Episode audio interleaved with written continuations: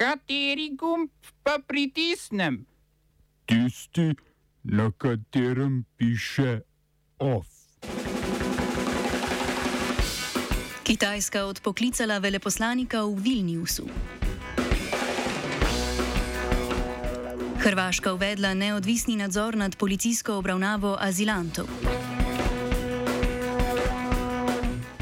Somalija vzpostavila nacionalni plačilni sistem.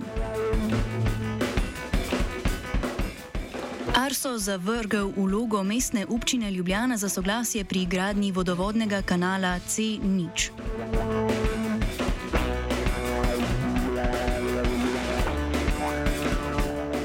Ljudska republika Kitajska je po diplomatskem sporu z Litvo odpoklicala svojega veleposlanika v Vilniusu, od baltske države pa zahteva odpoklic ambasadorja v Pekingu. Litva je namreč vzpostavila trgovinski urad, po domače, a ne uradno, ambasado v Tajpeju, prestolnici Tajvana. Hkrati je omogočila vzpostavitev prvega tajvanskega trgovinskega urada v Evropi, ki uporablja naziv Tajvan in ne kitajski Tajpej, kot trgovinsko enklavo imenuje oblast, imenujejo oblasti Ljudske republike Kitajske. S tem se diplomatski odnosi med Litvo in Kitajsko še zaostrujejo potem, ko je Litva maja letos izstopila iz skupine 17 plus 1 ali daljše vrha držav Srednje in Vzhodne Evrope in Kitajske, ki skrbi za gospodarske povezave v okviru kitajske pobude pasu in ceste.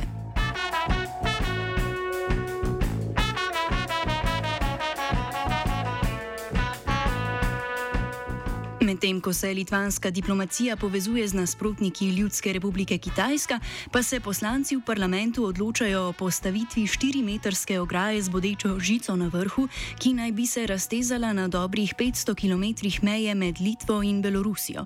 Od sredine preteklega meseca se je namreč število nezakonitih prehodov meje iz Belorusije v Litvo in na Polsko povečalo za približno 20 krat v primerjavi s podatki v istem obdobju lani. To naj bi beloruski predsednik Aleksandr Lukašenko uporabljal za politični pritisk na Evropsko unijo, ki vzhodno evropsko državo kaznuje zaradi nasilja nad novinarji in opozicijskimi aktivisti. Litva sicer nima dovolj sredstev in materijala za postavitev take ograje, zato se je po pomoč obrnila na nekatere članice Evropske unije, predvsem tiste, ki jih ideološke silnice vlečejo proti Višegradu. Slovenija bo tako Litvi pomagala z 20 agregati, 700 odejami in 400 suhimi dnevnimi halal obroki, kar nas bo stalo 52 tisoč evrov. Če poslanci odobrijo postavitev ograde, bo Slovenija donirala še 10 km tako imenovanih začasnih tehničnih ovir. Ekipa Metliškega jutranca predlaga, da jo vzamejo iz kopališč na Kopi, je komentiral visoki predstavnik Metlike za aktualno politično redakcijo Radia Student.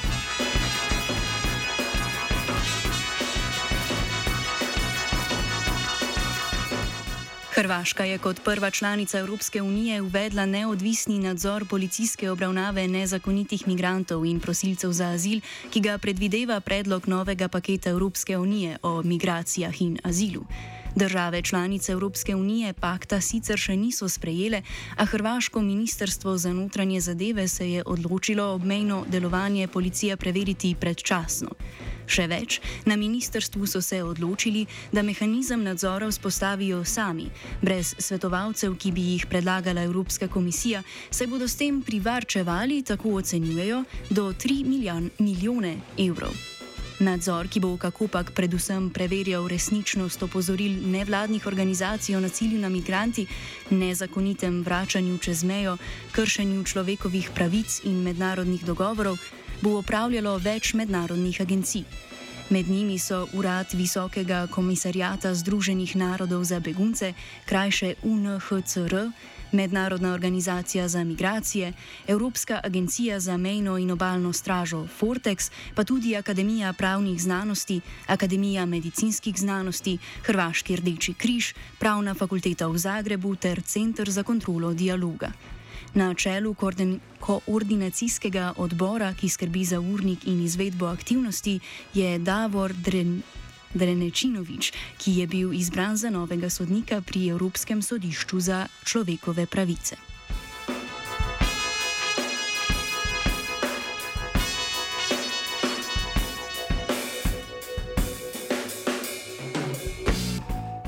Ostajamo na področju migranske politike. Bangladeš je pričel z množičnim cepljenjem skupnosti beguncev Rohingja, ki so leta 2017 pribežali pred vojaškim nasiljem na jugovzhod države iz sosednjega Mjanmara. Cepljenje beguncev bo potekalo v skladu s cepilno strategijo za večinsko prebivalstvo. V prvem krogu nameravajo cepiti skoraj 50 tisoč od več kot milijona rohinjskih beguncev, ki so starejši od 54 let. Bangladeš od začetka epidemije uradno beleži dober milijon okuženih in več kot 20 tisoč smrtnih primerov, med njimi 27 pripadnikov skupnosti Rohingja, a so te statistike gotovo močno pomankljive, resnične številke pa precej više. V sosednjem Mjanmaru, natančneje v zvezdni državi Rakhine, odkuder Rohingji izvirajo, cepljenje muslimanske manjšine za zdaj ni načrtovano.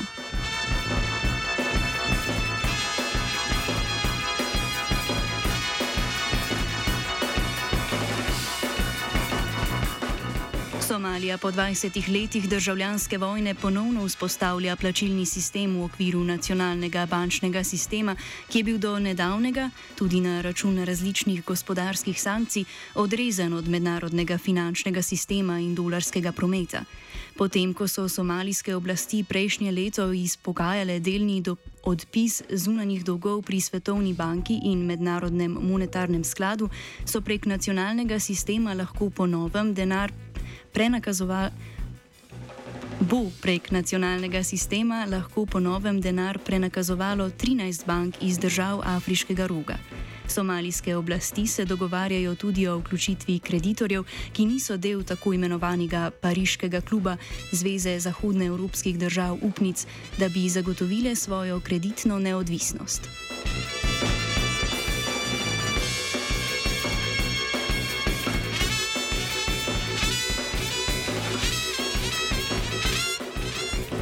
Če še niste vložili kislih kumaric, je sedaj pravi čas, saj sledi črna kronika. Tajska policija je prispela, priprla vsaj deset aktivistov, ki naj bi sodelovali pri organizaciji protivladnih protestov.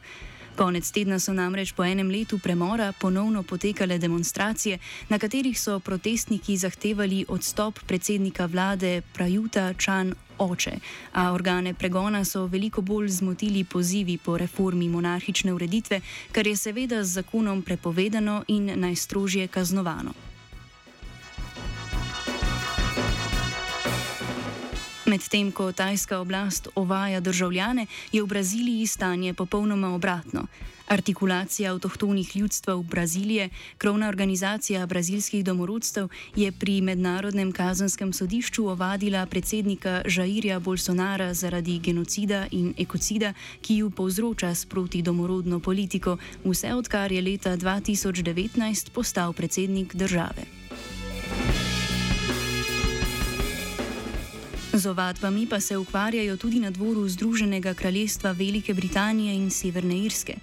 Virginia Giuffri, tožnica družinskega prijatelja britanske krone, pokojnega Jeffreya Epsteina, zaradi spolnih zločinov, sedaj zaradi podobnih zločinov toži še princa Andreja Vojvodo Jorškega.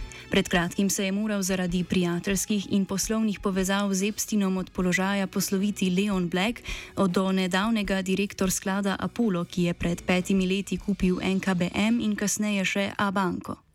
Oba, če, če bom odgovoril na angliški.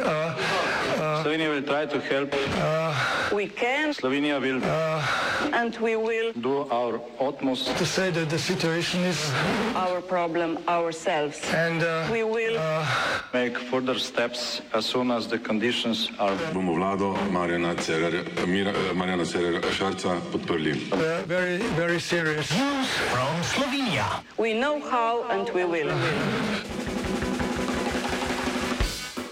Dela na vodovodnem kanalu C0 z ljubkovalnim imenom Čisto zate med Črnučami in Brodom v Ljubljani so še, ve še vedno stojijo, saj je Ministrstvo za okolje in prostor zavrglo pritožbo mestne občine Ljubljana zaradi zavrnitve okoljevarstvenega soglasja na Agenciji Republike Slovenije za okolje. Mestna občina sicer še ni zaprosila za integralni postopek pridobivanja gradbenega dovoljenja za dobrih 130 milijonov evrov vreden projekt, kar jo omogoča gradbeni zakon iz leta 2018. Trasi vodovoda, ki je bila začrtana leta 1991, ko je županoval Jože Strgar, tehnični direktor javnega podjetja Vodovod Kanalizacija, pa je bil trenutni notranji minister Aleš Hojs. Zdajšnja ljubljanska občinska opozicija nasprotuje predvsem zaradi morebitnih negativnih vplivov na okolje in ogroženosti pitne vode za celotno Ljubljano.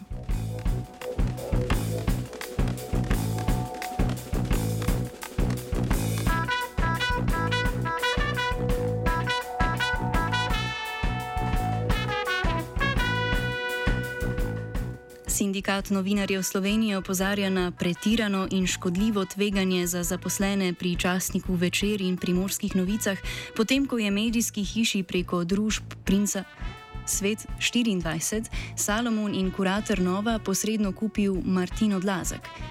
Sindikat še zahteva naj novo vodstvo seznani zaposlene s pravnimi, ekonomskimi in socialnimi posledicami lastniškega prevzema, torej odpuščanjem, ki je zaradi zmanjševanja stroškov že doletelo nekatere. Odpuščanjem, ki je zaradi zmanjševanja stroškov že doletelo nekatere novinarje na primorskih novicah. Medtem bo novo vodstvo večera prineslo 97 zaposlenih na novo družbo, ki se bo imenovala Večer Mediji in je že v lasti šestih podjetij povezanih s skupino Eurofit, prek katere naj bi odlazek poskušal zbrisati svoje lastniške lovke.